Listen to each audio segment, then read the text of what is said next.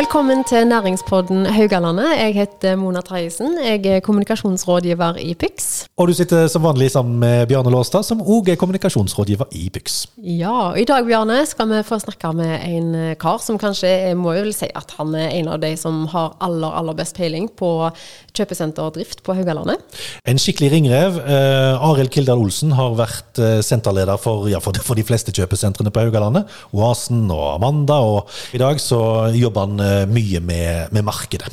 Ja, Han er jo veldig opptatt av dette her med samarbeid og tilrettelegger for god handel. For det er mye diskusjoner om akkurat dette her. Det er litt konkurranse.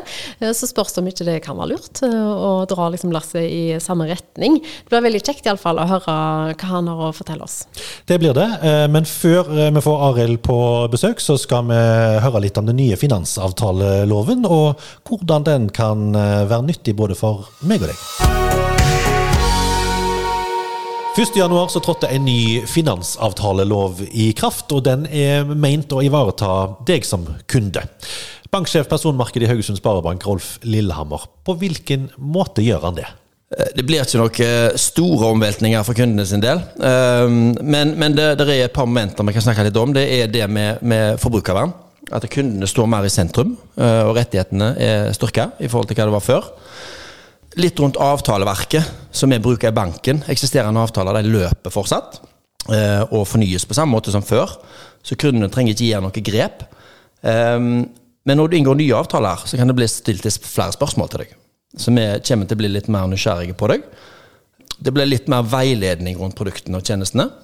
Um, rådgiverne skal da tilpasse produktene enda mer enn før, og tjenestene og er pliktige til å sikre at du som kunde har forstått hva du er med på. Ja, og, og, det handler om sikkerhet, dette? Det handler om sikkerhet. Mm. Så har du det som går på uh, betenkningstid, angrerett. Du skal få tid til å områ deg. Uh, forstå produkter og områ deg. Ja. Ja, At vi er med på hva vi signerer på. Uh, og så ønsker vi òg å, å, å, tilby bedre beskyttelse og lavere egenandel rundt det som går på svindel av bank-ID etc. Det er noe som avtalen sier noe om. det er økt ansvar for banken for det med ja, svindel? Ja, på, på, hvilken måte er det det? Eh, nei, altså um, Slipp, slipp med kundene billigere unna nå? på en måte Nå, nå, nå flyttes ansvaret over på banken i større grad? Eh, nei, det Både ja og nei. Um, det er jo sånn at uh, du er pliktig til, uh, hvis du inngår en uh, en elektronisk signeringsavtale, så er du pliktig til å ikke oppgi informasjon mer enn du skal, hvis du blir på en måte kontakta via alle disse her uh, svindelmetodene som mm. uh, smishing og wishing og fishing ja. og spoofing og alt ja, det, dette. Det er mye, mye, av det om dagen. Det er veldig mye om dagen. Og, og det er litt sånn at eh, ni uh, av ti kunder har opplevd å bli forsøkssvindla, og siden 2020 så har liksom den de som er blitt svindla, er blitt tidobla. Det er blitt et kjempestort problem. Mm. Så vi ønsker jo å gå ut og, og, og til lytterne her òg. Altså, det er ingen som helst ifra banken, politi, statlige organer eller noe som kommer noen gang til å kontakte deg per telefon um, eller per mail og be deg oppgi sensitiv informasjon. Så det må du aldri, aldri oppgi. Men skulle det skje, så er forbrukervernet litt styrka på det området òg. Eh, at banken er pliktige til å dekke tapet og sørge for at uh, dette meldes inn til Finansklagenemnda. Men, men, du som kunde er fortsatt ansvarlig, uh, og det går litt på aktsomhet. Er du aktsom eller grov uaktsom? Ja. Mm. I den nye loven så sies det at banken skal avslå lånesøknaden din dersom du ikke har god nok økonomi. Gjelder det òg for type billån, forbrukslån og kredittkort? Ja, i 2015 så var gjeldsveksten såpass eh, stor her i Norge at eh, Finanstilsynet kom opp med utlånsforskriften som skulle bremse eh, gjeldsutviklinga. Og det medførte jo at norske banker det ble underlagt retningslinjer for hvor god sikkerhet kundene skulle ha. Betjeningsevne og hvor mye lån vi kunne ha i forhold til inntekten våre. Dette for å styrke kundens økonomi, og da for å styrke bankene sin økonomi. For det er viktig. Mm. Ramler bankene, så ramler uh, si, landet. Mm. Men i, i tvilstilfeller, da, om du var usikker om kunden var solid nok økonomisk eller ei, så kunne du innvilge et lån basert på, eller med frarådning. Men det er det slutt på. Nå er det tommel opp eller tommel ned. Ellers er det avslag. Ingenting mellom. Og den vurderinga som vi gjør, det er inkludert alt. Billån, hyttelån, forbrukslån, kredittkort, gjeld. hva, det. Hva det skal være. Ja. Takk for gode råd, Rolf Lillehammer. Han starta sin første butikk i Bergen da han bare var seks år gammel, og var med å åpne det første kjøpesenteret da han var elleve. Etter at han flytta til Haugalandet på 80-tallet, har han vært senterleder både på Amanda og Oasen, vært eiendomssjef i Kayano Eiendom, og har i dag gjennom sitt selskap Ako Invest blant mye annet ansvar for å koordinere utleie, drift og markedsføring av markedet i Haugesund sentrum. Velkommen til næringspodden Haugalandet, Arild Kildal Olsen. Tusen hjertelig takk, og takk for tilliten. Dette er jo en glede å få lov å være med her sammen med dere. Så kjekt. Og, og da nevnte jeg ikke i starten at du òg er styreleder i Haugesund Handelsstandsforening og styremedlem i, i, Haugesund Parkering, blant mye annet. Du er åpenbart opptatt av å tilrettelegge for god handel? Ja, altså egentlig så er det Der treffer du litt grann at jeg er mer å tilrettelegge for andre enn jeg utfører sjøl. Handler du ikke så mye? Jo, men mindre enn de som jeg håper skal handle. Ja. Men hvorfor er det så viktig med tilrettelegging, tenker du? Ja, altså Det blir med det meste av det vi gjør her i livet, så er det noen som har vært der og gjort klart for oss. Kommer du på besøk hjemme privat, så har vertskapet gjort klart en hel masse og forberedt seg. Sånn er det òg i handel, eller om du driver i servicenæringen. Men du, vi hører jo på dialekten din at du snakker ikke haugesundsk. Eh, bergensere de flytter ikke her for hva som helst. Hva var det som gjorde at du flytta på deg? Ja, nå kan jeg bergensflytende, det er helt riktig. Nei, det, det, er egentlig Ribar sko og en dansk skokjede og en lokal skokjøpmann her i, i Haugesund, Kurt Schulz og Ingrid Schulz, som uh, ville ha meg ned her for å drive en skobutikk på Oasen. Og da var oppdraget seks måneder. Dette var i 1988. Du gikk på en smell, rett og slett? Ellers så kan jeg ikke telle. Nei, nei. Og så etter det så har du, som Bjarne nevnte, vært senterleder på både Oasen og på Amanda. Eh, og fulgt eh, handels- og senterutviklingen på Haugalandet i nærmere 40 år, ja. Eh, hvordan vil du beskrive den egentlig, altså utviklingen? Ja, så Det er jo mye som har skjedd. Hvis det er 40 år, er det så mye? Ifølge Bjarne sin hoderegning. ja, men uh, uansett så det, det går den veien? Ja, det gjør det. Jo da, det har, det har skjedd eh, både mye og lite. Eh, handel har jo vært i Haugesund i kanskje 1000 år på forskjellige måter, og det har utviklet seg hele veien. Eh, fra jeg kom her, så var jo Oasen det senteret som var i sin spede begynnelse, da. Egentlig med Birger Netteland og det han gjorde. Han gjorde en fantastisk jobb der. Kranglet med kommunen hele tiden, men han fikk ting til, og det ser vi resultatet av i dag. Men eh, så kom jo Amanda og utviklingen av Raglamyr og alt dette, og det påvirket jo selvfølgelig eh, sammensetningen i, i, sentrum og hvordan dette ble. Men, eh, men det er jo positivt. Det er mer arbeidsplasser, mm. det er mer varer, og vi har kommet oss videre. Men, men, men hvordan opplever du Haugalandet som, som handelsregion i dag? Altså, hva, hva er, er, det noe unikt med, med Haugalandet på den fronten? Ja, definitivt. Altså Haugalandet og Haugesund Eh, ligger midt imellom eh, Bergen og Stavanger. og Skulle tro det at man hadde litt mindreverdighetskomplekser, noe som ikke er til stede i det hele tatt. og eh, det som jeg trodde var ovenpå bergensere, de kommer helt i linjen under når det gjelder masse. Men tilbake til handel, så er jo Haugesund Ifølge Statistisk sentralbyrå så ligger vi på andreplass når det gjelder handel per innbygger. da. Mm. Jeg mener det at i 2021 så var det 141 000 per innbygger. Og eh, neste under der lå vel eh, på 131. Og snittet i Norge er 100 000. Så vi ligger altså 40 eh, over snittet. Og andreplass. Hva, hva er det som gjør det, tenker du? Det er rett og slett import av kunder. Altså omlandet reiser til Haugesund for å handle. Mm. Og det som er det positive i det, er at vi har kvaliteter over et utvalg som gjør det at det er interessant å reise her til. Nå har vi fått konkurranse fra distriktene, absolutt. Men i det store og hele så er vi fremdeles stor på det. Og julehandelen den var jo helt ekstrem uh, i fjor? Ja, ekstrem, ekstrem. Det spørs hva vi eh, sammenligner oss med. Nå er jeg jo litt beskjeden og litt eh, nøktern på ting, da. Men det er ikke tvil om at eh, desember var vi fornøyd med, da. Mm. Med gode tall. Og selv overfor normalåret 2019, da. For 2020 og 2021 er jo litt mm. Unntakstilstand. Ja, det er det. Men med tidene som er nå, så forventer en kanskje ikke helt det høye tallet sant? med økonomien til folk. Men allikevel så, så, brukte de penger, ingen tvil om det. Ja da, og vi ser på markedet så er jo det absolutt økning eh, i hele desember og faktisk i fjor og like for like, og mer enn det òg. Apropos markedet, eh, der har jo du ansvaret. Eh, og for tredje gang Ja, det er faktisk tredje gang, ja. Og denne gangen gjelder det. Ja, denne gangen mener du Da alvor. det bra. Ja, det er faktisk tredje gang. Det er riktig det du sier. Markedet er jo, altså det åpna i, i 1988. Uh, var vel den gang første kjøpesenter i Haugesund kommune. Uh, og, det er vel likevel på ingen måte det største senteret i, i regionen. Men, men hva tenker du er det som skiller markedet ut? Altså For det første så er det et eh, fantastisk fint eh, bygg når man ser på det, med en flott fasade. Og det ligger sentralt til i byen. Og har gode parkeringsmuligheter, god eh, logistikk. Og det har eh, vært et marked for eh, forretningsdrivende siden det ble bygget. Og det har vært landsdekkende kjeder som har vært der, og det er det fremdeles. Så eh, bygget er, er flott, og det er vel det eneste bygget i Haugesund som kan huse litt større leietakere, da, som vil ha areal opp i både 1000 og gjerne 2000 år hvis vi hadde tilpasset det. Og så har dere jo et uh, vinmonopol, da. Ja, Vinmonopolet er kjekt å ha, det er ikke det tvil om. Det er en hygienefaktor som eh, er mye snakk om av og til, og vi, vi er jo ikke lei oss for det, da. Eh, absolutt ikke. En har jo forsøkt å etablere andre kjøpesentre i sentrum òg. Eh, Arabia, Kråkereiret Det er jo noen av oss som husker disse herren, men uten at de har fått det helt til. Eh, Victoriahjørnet var òg et lite senter tidligere. Men hvordan, altså, hvorfor har markedet klart å, å holde stand, tenker du? Jeg tror eh, det har eh, flere grunner. For det første er det bitte litt større enn det som Arabia-bygget var, og det som Victoria-hjørnet var.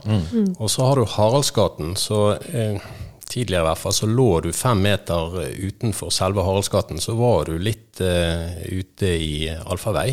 Mens markedet hadde og har en tyngde.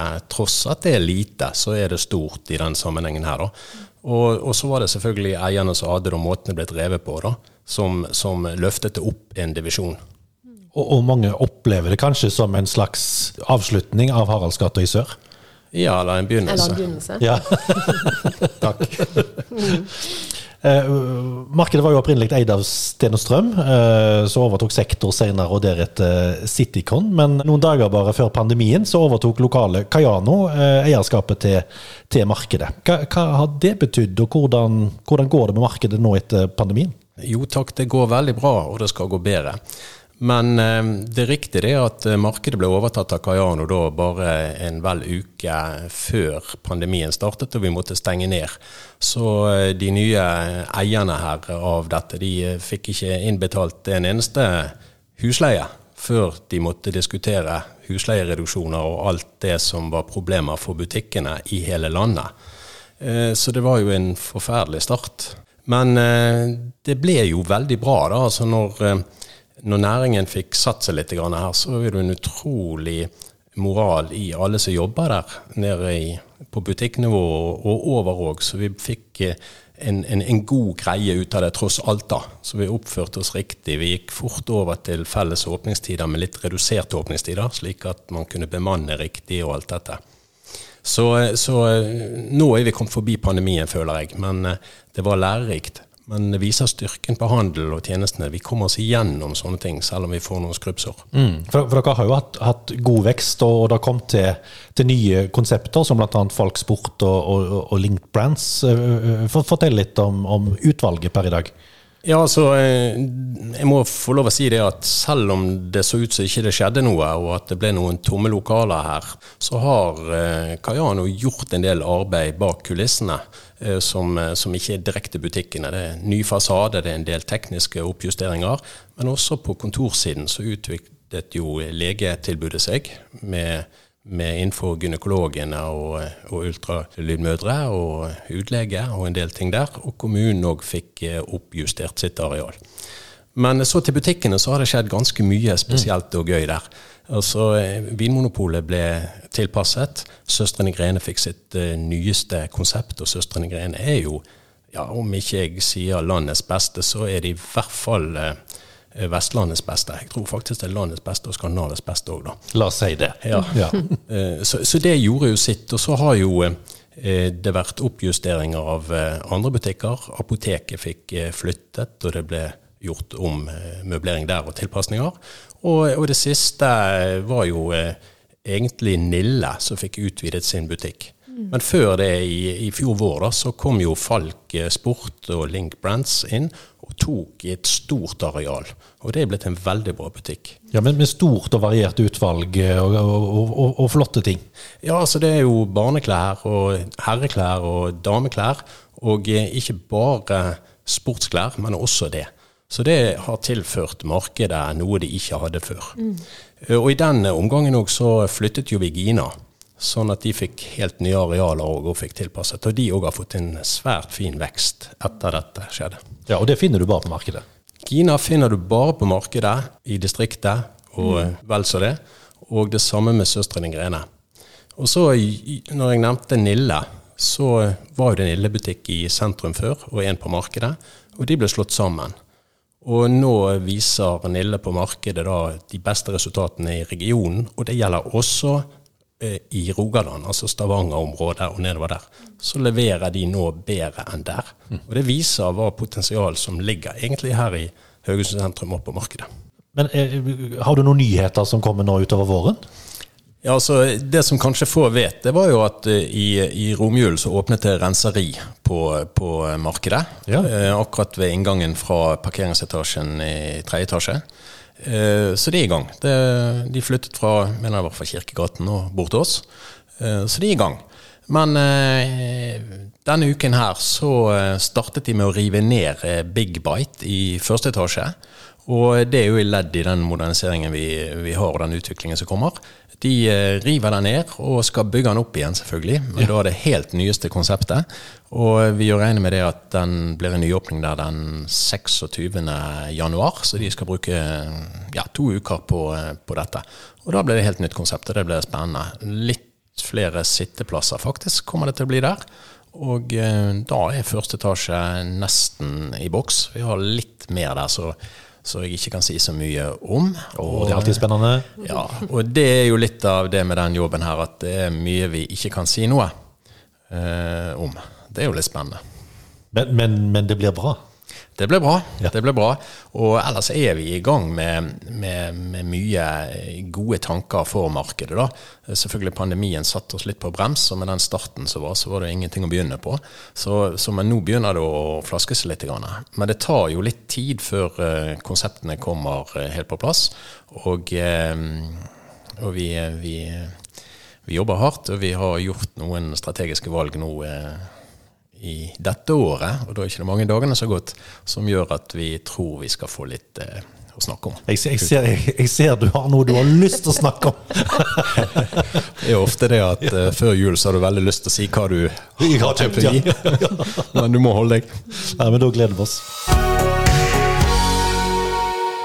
Det har jo vært mye snakk om cruiseturistene når de kom. Det var plutselig masse folk i gatene. Har dere merka det på markedet òg, at det har vært mer folk? Ja, altså det har definitivt vært mer folk. Jeg vet ikke om det var en halv million nesten som kom inn her. Så mm. de har jo de har jo gått i gangene våre, en god del av de da. Mm. Uh, men der kan vi bli bedre. Vi kan bli flinkere til å se hva er det de har behov for, mm. og så kan vi gjøre det mye bedre, rent handelsmessig. Men de har absolutt lagt igjen noen penger. Mm. Men uh, vi kan gjøre bedre ut av det. Men, men, sentrum generelt har jo, har jo hatt, fått seg et løft i de siste to-tre årene med oppgradering og forlengelse av Haraldsgata og i det hele tatt. Altså, I hvilken grad merker dere det? Alt som skjer i sentrum er positivt. Altså Markedet er som vi har nevnt lite kjøpesenter, og vi er avhengig av resten av eh, naboene våre og hele sentrum. Eh, Lagun f.eks. tar jo med seg hele næringsområdet når de skryter på seg at de er Norges største kjøpesenter. I Bergen. I Bergen. Og tar vi eh, og gjør det samme her i, i uh, Haugesund, så er jo vi uh, på lik linje med Amanda og Oasen. Men det er viktig for oss å ha gode naboer, og det har vi. Vi kunne tålt enda flere, selvfølgelig. Ja, for altså, Selv om du selvfølgelig er veldig glad i sentrum, så, så er du på ingen måte en som ser utviklingen på f.eks. Raglamyr som, som en fiende? Nei, tvert imot. Eh, Raglamyr og de eh, big box som er der, de kunne ikke vært i sentrum. De skal ikke være i sentrum, etter min mening. De skal ligge utenfor, og vi skal fylle sentrum med det som hører til sentrum. Og hvis vi ser det som nå har hatt en stor vekst, så er det tjenester og servering og, og den slags ting. Og det får ikke de andre uansett. Det er vår styrke. Og handel er jo selvfølgelig med òg. Men vi er like stor både på handel, og vi er kanskje større når vi tar med tjenester her i sentrum. Men eh, Raglamyr og Amanda og Oasen òg på Norheim, det er gode samarbeidspartnere egentlig her for å sitte Haugalandet på kartet. Og um, hvis jeg skal nevne noe om Oasen og Amanda, så er jo de eid av de største kjøpesentereierne i Norge. Det finnes noen flere òg, men det er vel de to største som nå eier det. Og de er flinke. De kan mm. dette. Og de vil tilføre nye konsepter. De vil gjøre en utvikling som gjør at vi blir løftet, vi andre òg. Mm. Så jeg, jeg, er ikke redd for at uh, Amanda eller Oasen skal bli kjempebra. Det som er viktig for oss, det er at vi blir bedre sjøl. Du var så vidt inne på dette med Vinmonopolet. Uh, hadde det hatt noe å si, tror du, for uh, markedet om Amanda hadde fått pol? Det der er en touchy sak. Men eh, svaret mitt Håper jeg har jobb eh, i åren. Svaret mitt er at det hadde ikke betydd noe som helst for verken markedet eller sentrum. Ingenting. Eh, Vinmonopolet på markedet var Norges nest største vinmonopol målt i volum, inntil det åpnet på Oasen. Eh, nå er Oasen større enn markedet, og eh, markedet har vel en ca. 30% 33 av, hvis vi tar med Aksdal og hele Karmøy. Eh, mye mindre de hadde. Men omsetningen på de andre butikkene, den har holdt seg og gått opp. Så det har ikke så mye å si, så enkelte vil ha det til. Men Vinmonopolet er viktig å ha, for det at et kjøpesenter og en by og hva som helst, de ønsker å ha en viss miks, og uten at de andre kannibaliserer, men, eh, men heller ligger til omsetning. Men for markedets del, da, altså hvis, hvis, det på en måte skal bli bedre sjøl, hva, hva, er det viktigste for et kjøpesenter i den konkurransesituasjonen vi har på Haugalandet nå? Ja, Markedet må, må, på en måte finne sin posisjon her på Haugalandet. Vi, eh, vi kan aldri bli størst. Eh, vi kan bli eh, relativt ja, knurrende og ta en del fra de andre og markere oss litt, men vi må være unike. Og vi må være bedre enn de andre på de tingene vi holder på med. Det er jo vanskelig i seg selv. Men vi er unike på en del ting allerede i dag. Vi ligger i sentrum. Vi har veldig god parkering. I underetasjen, altså Markedet har jo tre parkeringsetasjer under butikkene med heis rett opp. Der er det én times gratis parkering. Og ifølge undersøkelser, nå begynner de å bli litt gamle, så gjennomsnitts eh, handletid for, for kjøpesenterkundene, det er, det er, faktisk ikke mer enn ti minutter for 50 mm. Så er det en halvtime for 90 av kundene. Mm. Så da klarer han seg fint med, med, med en times gratisparkering? Ja, mm. men vi vil jo gjerne ha de der lengre, da. Så det er ikke så veldig dyrt å parkere litt lengre. Hvor viktig er service? Altså Service det er jo veldig enkelt ord å si. Det service eh, består av veldig mange ting. Du har fysisk service, at du har rulletrapper og lys, og det er rent og fint, og toaletter, og alt er greit. Og så har du den menneskelige servicen, som eh, er absolutt avgjørende. Den som står ved kassen eller i butikken, det er den som avgjør alt. Og da er det selvfølgelig å ha en ryddig og fin butikk og gjøre alt det skal gjøres, men måten man blir møtt med, med både blikk og vennlighet og alt det, det blir som når du kommer på besøk til noen gode venner. De er begeistret når du kommer, forhåpentligvis. Og eh, de eh, pleier å være et vertskap som eh, tar godt imot deg, og så sier de ha det på gjensyn når du går derfra. Det er mange ting å gjøre dette på. Av og til kan det være travelt i butikken, og du får ikke snakket med folk. Det viser at 30% av de kundene som kommer inn i butikken, de har kanskje ikke fått oppmerksomhet.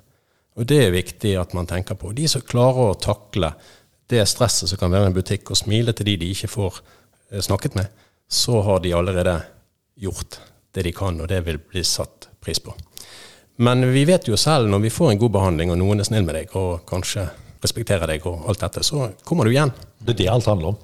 det alt handler om egentlig å bygge den tilliten og den eh, kontakten med kundene, slik at de føler seg hjemme der og syns dette var en kjekk opplevelse, og her kan jeg komme igjen. Bærekraft er jo noe som alle selskaper i dag må forholde seg til, eh, men det er ikke noe nytt for deg?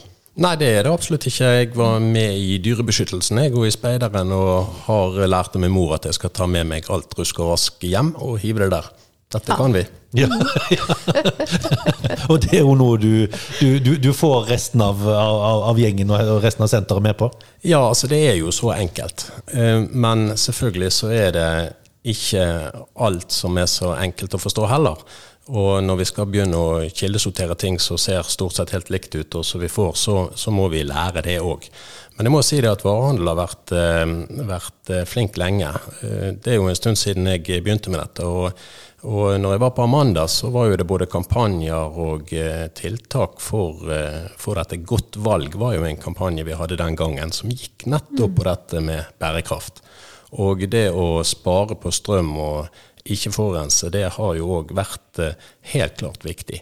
Før så var jo kjøpesentrene litt sånn De trodde at de var sånne miljøverstinger. Men tvert imot så er jo de i stand til å kunne samkjøre mye av eh, tiltakene. Vi tenker på det hver eneste dag.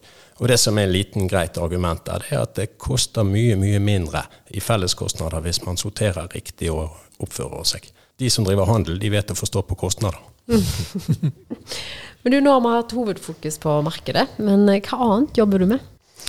Ja, eh, markedet er jo en liten del av det jeg driver med. Men det er omtrent det samme. Det er jo i eiendom og etableringer av konsepter Eh, hjelper litt med endringer og eh, struktur, og eh, litt produktutvikling på det, da. Jeg har jo vært borti en del andre sentre òg i den perioden jeg har drevet som konsulent, både i Øl og på Bømlo. Og, men samtidig har jeg hatt noen andre prosjekter utenom. Etablering av bl.a vaskehaller og bensinstasjoner. Høres jo sånn ut. Du kan så mye og, forskjellig, Daniel. Og, eh, og burgerbar til og med, som kommer eh, om ikke så altfor lenge. Men, men, det det går i, det er jo eiendomsutvikling, eh, men ikke på bolig. Det er jo på næring, og stort sett så er det detaljhandel og kjøpesenter som, som, er da. Men det er veldig mye likt der så, så er det med senter, da. Altså det å ha drevet et kjøpesenter, det det er jo en liten by. Det er ganske mye som skjer på et kjøpesenter. Eh, alt skjer på et kjøpesenter. Ja, ja. Bak kulissene så er det, det er fantastisk mye godt miljø. og altså Du blir jo mange, og du blir jo kjent med veldig mange forskjellige folk og mange konsepter. Eh, og der er jo all slags eh, nivåer. Ikke bedre og dårligere, men mange fag som samles der. Og det er det på markedet òg, og i sentrum, når du ser på det som eh, lever av, eh, av konsepter og, og, hva samholdet er om disse tingene, her, så er det utrolig mye man kommer borti. Nå skal jeg være litt forsiktig, men jeg tror de som skal drive og lede byer og kommuner, de burde ha tatt seg noen uker i opplæring på et kjøpesenter og sett hvordan eh, man fikk ting til.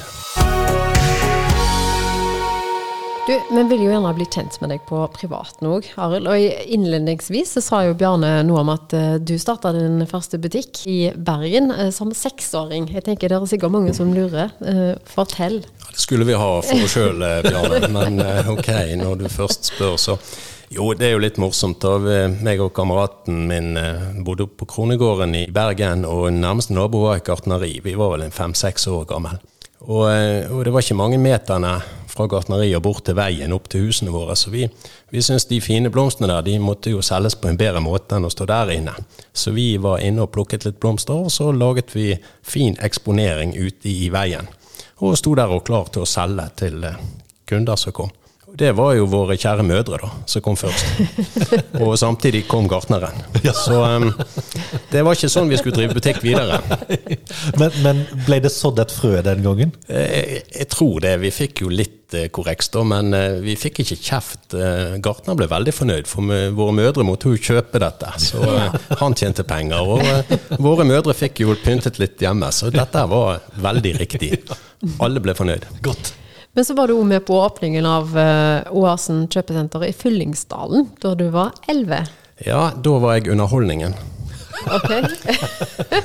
Nei, da var jeg i Selen skole musikkorps og spilte Bekonett. Hvor god jeg var, vet jeg ikke, men de andre var gode, så dette lød bra. Da var vi jo åpnet De overdøva overdøver deg i så fall? Ja da, det gjorde de. Men da, da var vi der. Og skolekorpsene de ble jo brukt til sånne ting før jul og alt sammen. Så det var jo spennende. Ikke visste jeg da at jeg skulle jobbe i kjøpesenter nesten. At det skulle bli livet ditt.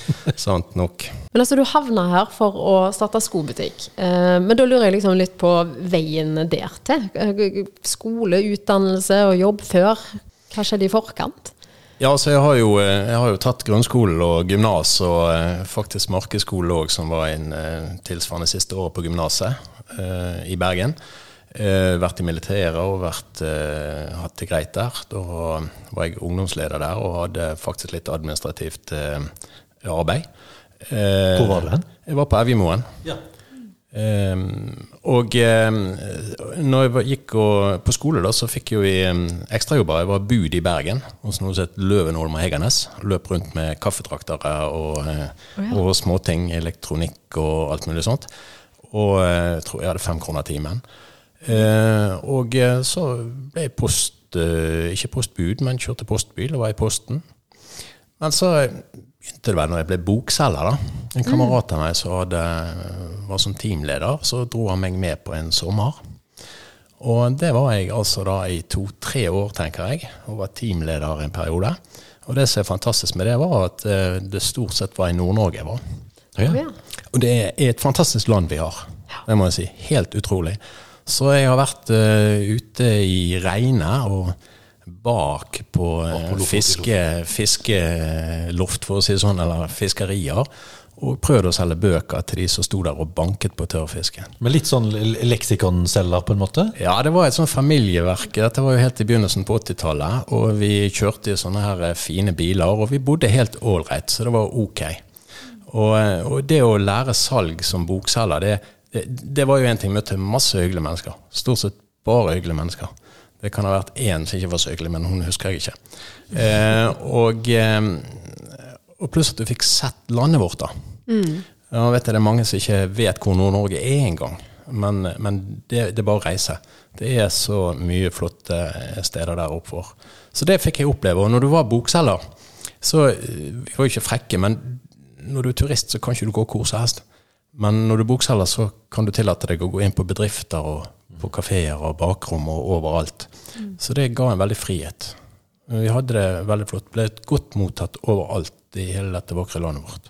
Så eh, en liten episode, så eh, hvis det er plass for det, så, så var jeg Øvre Årdal en gang og, og gikk der. Det var, det var lite folk. Og så kom det to jenter der som gikk inn mot en sånn kafé, da, så jeg fulgte etter de.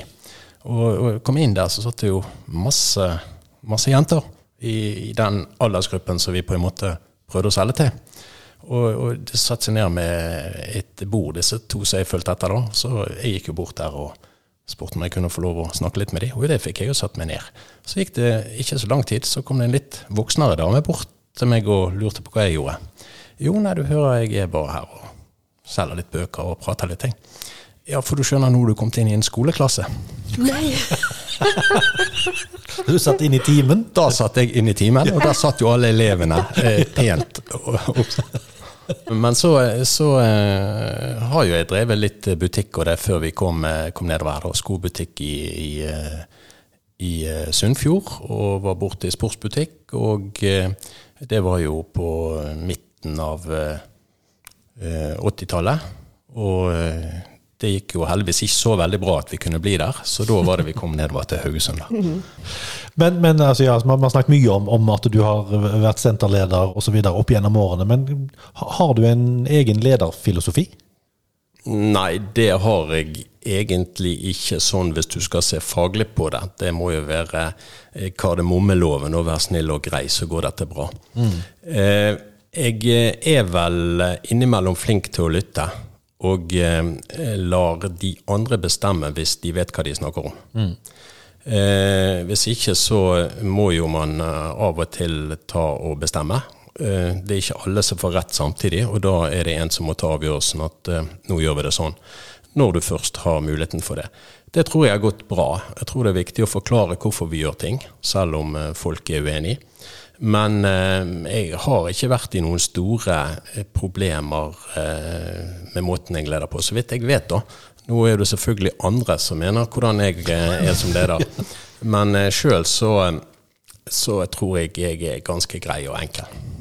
Men livet er jo litt mer enn senter. Hva gjør du på fritida? Ja, da jobber jeg. Ja, gjør du det? Det er veldig mye jobb. altså. Jeg jobber jo for meg sjøl, så jeg liker å forberede meg. Jeg er kanskje litt for eh, Jeg skal gjøre ting 120 og da blir det veldig mye forberedelse og eh, tanker rundt det. Nå jobber jeg ikke hele døgnet, da. Jeg eh, tar meg fri òg av og til. Hva gjør du da? Da, da Ja, det blir egentlig Du skulle ikke tro det, men jeg driver litt grann jogging, golf, ski, hvis det er muligheter for det. Og eh, jeg sykler, men ikke sånn som du tenker på sykkel med full fart og bukkestyre. Eh, ellers så blir det litt lesing og, og andre ting. Ja, for, for Løping har vi merket oss, for det, det, det, ligger jo bilder ute på, på den store verdensveven av eh, en eh, hektisk Kildal Olsen på vei opp Stolsekleiven i Bergen. Det er jo et av de liksom, tøffere eh, trappeløpene. Har, har du gjort det flere ganger? Nei, jeg overlevde den gangen, Ja. så det, det var jeg glad for. Var du, var du fornøyd med tida di? Stolsen den var, den var tøffere enn jeg hadde trodd. Mm. Jeg eh, varmet til og med opp før jeg begynte, og det burde jeg aldri ha gjort, for jeg var jo utslitt før start. Men Stolsen var en opplevelse, men jeg var tiden min var jo ikke så særlig bra. da. Vi var jo en gjeng, en guttegjeng som hadde det gøy senere på kvelden, og eh, det var aldri meg som skrøt den kvelden. Nei, nei. Men, men hadde du heller ikke gått uh, løypa før du da var i konkurranse? Jo da, jeg har vel gått der et par ganger. Jeg er jo tross alt oppvokst i Bergen, og Ja. min mor dro meg rundt på alle fjellknauser hver eneste lørdag og søndag. Og eh, fikk ikke være i søndagsskolen, for da skulle vi på tur. Og, så, så jeg har vært på de fleste toppene. Her hjemme, da, Djupadalten. Jeg har løpt uh, Djupadalten òg uh, en gang. Ellers Ja. har ikke jeg eh, fått eh, tid til det. Nei, du har kryssa det av på lista. Ja, Ja. det har jeg. Men jeg har jo eh, puslet med noen andre ting. Jeg eh, løp det Karmøy halvmaraton da, for to år siden, og Bergen en halvmaraton. Hvis vi først skal begynne å skryte. Ja, ja, ja, nå har du muligheten. Ja. Men hva, er det som gjør at du løper, Eh, annet enn å holde seg i form? nei, det, det er jo en periode i livet du tror at alt er Det går greit etter eh, kroppen, den fungerer fint og sånt. Og så eh, har jeg likt å gå på ski, så, så vi har gått Skaveren eh, mange ganger. Og, og så var det meg og en kamerat som begynte å terge hverandre litt med hva skal vi gjøre nå? Vi, vi kan jo gå Marcialonga. Og Det er jo et lite eh, skirenn i Italia på, ja, på, på syv mil. Og ingen, i hvert fall ikke jeg hadde forutsetninger for å gå det. Men så blir det sånn poker, ingen vil si hva kort de har på hånda. Og jeg hadde ingen kort på hånda, så da var det ingen som sa nei før vi hadde meldt oss på. Og da måtte du begynne å trene. Og hadde jeg løpt litt før, men ikke noe sånn spesielt. Og da ble det løping som var liksom den greieste måten å, å trene seg litt på, og det syns jeg var veldig kjekt. Så nå når jeg er på eh, ferie og sånt, så kan jeg godt stå opp tidlig om morgenen og så løpe rundt i de byene som eh, vi er, eller de stedene. Det syns jeg er veldig, blir godt kjent og får oversikt. Ja, du ser i hvert fall ting på en helt annen måte. Hører du på noe mens du jogger, eller? Ja, da har jeg eh, som regel litt grei musikk. Ja. Som ikke har for hurtig takt. Ja, for da må du springe må du springe. Men, men er du, sånn, altså, har du mye utstyr? Med, med, med mange, mange par sko, f.eks., til ulike anledninger? Ja. Eh, Som jeg sa, jeg har eh, Altså når du kjøper en ny klokke, så har du gjerne den gamle med deg òg, for det er sånn eh, du, du har jo arkiver på hva du har gjort og sånt. da. Ja. Så, så når jeg fikk en ny klokke, så hadde jeg en på begge hendene, og så har du et gjøkur midt imellom. Du, du har jo bodd nesten like lenge nå på Haugalandet som i Bergen. Eh, Hvor er det du føler deg mest hjemme? Jeg er hjemme i Bergen, Du er det? ja, så her er jeg hjemme borte. Ja. Ja. Jeg blir, det blir det, altså. Selv om vi har jo et uh, lite hjem her og, og, og bor jo her og trives her for all del. Det er kjempefint. Så, så, men jeg savner jo alltid Bergen, da. Så hvis du spør hva fotballag jeg holder med, så skal ikke vi si det høyt her, for det vet alle. Vi vet vel kanskje svaret her, Arild, men, men er du en som henter energi i lag med andre, eller eh, når du er for deg sjøl? Altså her, her er det begge deler. Eh, tro det eller ikke, men jeg er, jeg er, relativt beskjeden. Det tror ikke folk. Så hvis det er større forsamlinger, så liker jeg helst å høre på andre. Men hvis jeg blir skubbet opp på den scenen, eller hvis jeg må gjøre noe, så, så kan jo jeg klare å, å, snakke. Det er ikke noe problem i det hele tatt.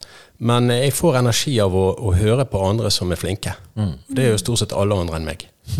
Og så eh, må jeg si det at jeg, eh, det å være helt alene og at det er stille, det er òg eh, veldig greit. Å pusle og filosofere litt, og kanskje lese en god bok, da. Mm. Og jeg leser ikke så mye, da, men innimellom så leser jeg det. Og da, da prøver jeg å ha annenhver en krim, og så neste må være litt seriøst. Og da får du jo litt impulser fra forskjellige ting. Det Høres bra ut. Ja, absolutt. Og så har vi fem kjekke spørsmål her avslutningsvis. Det har vi alltid. Um, hvis du skal trekke fram uh, dine forbilder i næringslivet, hvem er det? Ja, Da tror jeg ikke jeg skal nevne noen navn, men jeg, eh, jeg synes de som jobber, og da mener jeg jobber eh, som du ser jobber, i butikker spesielt, siden jeg er der, og de som gjør den jobben der, det, det, de er utrolig mange flotte mennesker. Som, som eh, også går videre og eh, blir til noe annet, eller bare fortsetter.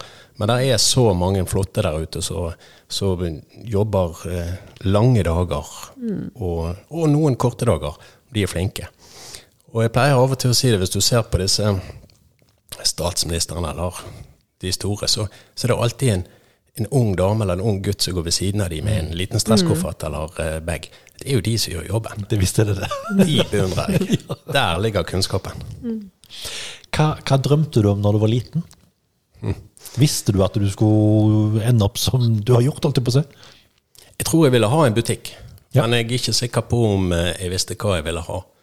Nå var min far i, i skobransjen, så det var det var jo kanskje, uten at jeg visste om det sjøl, at det dreide seg litt eh, mot det. da. Men eh, det med salg og det med, med å, å, gjøre forskjellige ting, ikke bare sitte rolig, det, mm.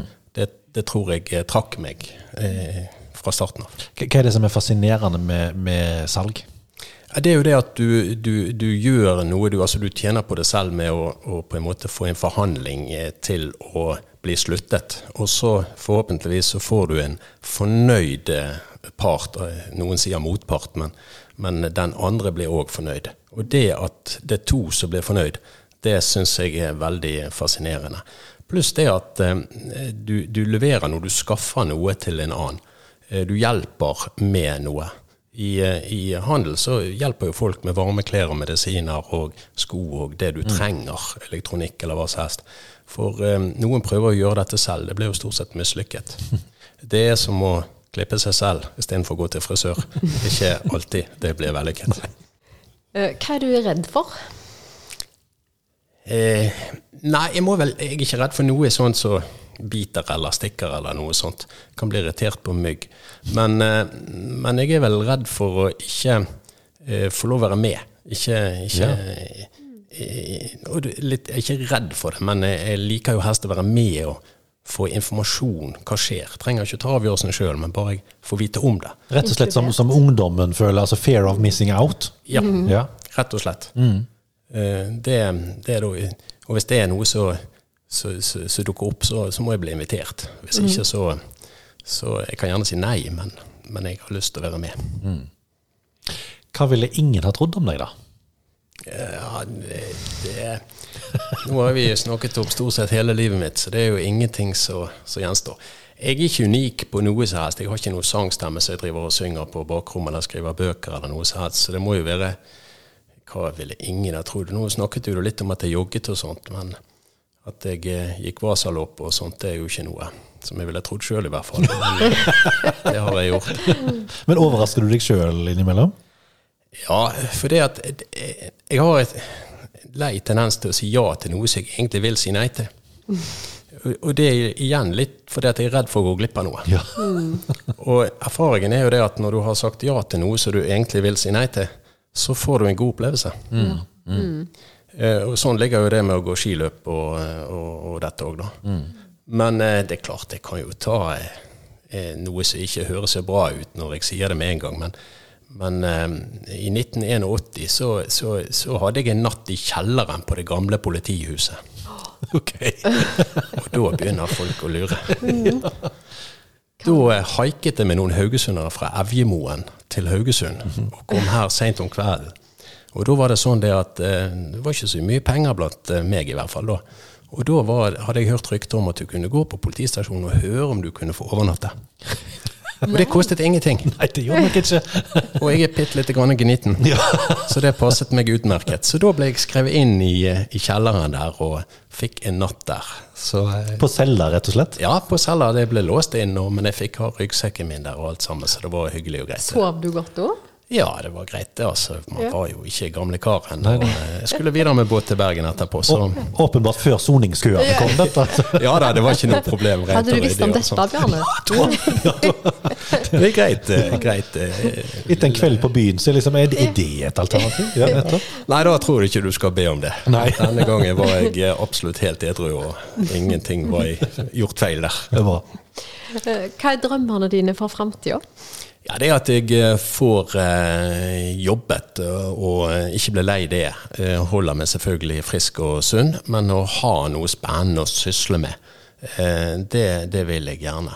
Så du vil jobbe lengst mulig, eller? Ja, jeg pleier å si at jeg har 37 år igjen av mitt yrkesaktive liv. Hvis du ser på Olav Thon. Ja, sant. Ja. Da har du noe å strekke deg etter. Ja. Ja. Men det å kunne ha noe å pusle med til, eh, til du ikke kan mer, for å si det sånn, Og det tror jeg er viktig. Eh, Jeg har ikke lyst til å bare sitte med på en kafé og så, og så bli på en måte pensjonist-pensjonist. Ja, du høres ikke ut som typen. Så eh, da gjelder det at jeg har litt oppdrag og litt uh, å pusle med, da. Og så må du løpe av masse. Holde deg i form. Ja, det må vi òg. Arild Kildahl Olsen fra Ako Invest og Markedet, tusen takk for at du kom til Næringsboden Haugalandet. Tusen hjertelig takk for at jeg fikk komme, og ha en flott dag videre. I like måte. Det var det. Følg Næringspodden Haugalandet på Spotify og Apple, så får du ny episode rett inn på din mobiltelefon så fort den er klar. Ja, og Neste uke så skal det handle om eh, Låstad og co. Der er det nye ting på gang. Leif Inge Bjerknes, han er ny daglig leder, kommer på besøk her i Næringspodden. Um, skal også snakke en del om dette at de selger ikke bare Volvo lenger. Nå er det Masta og MG som gjelder. Og så skal de jo selge kinesiske Gilly. Tror det er sånn det uttales iallfall. Uh, svaret får vi jo neste uke. Vi høres da. Ha det bra. Hei da!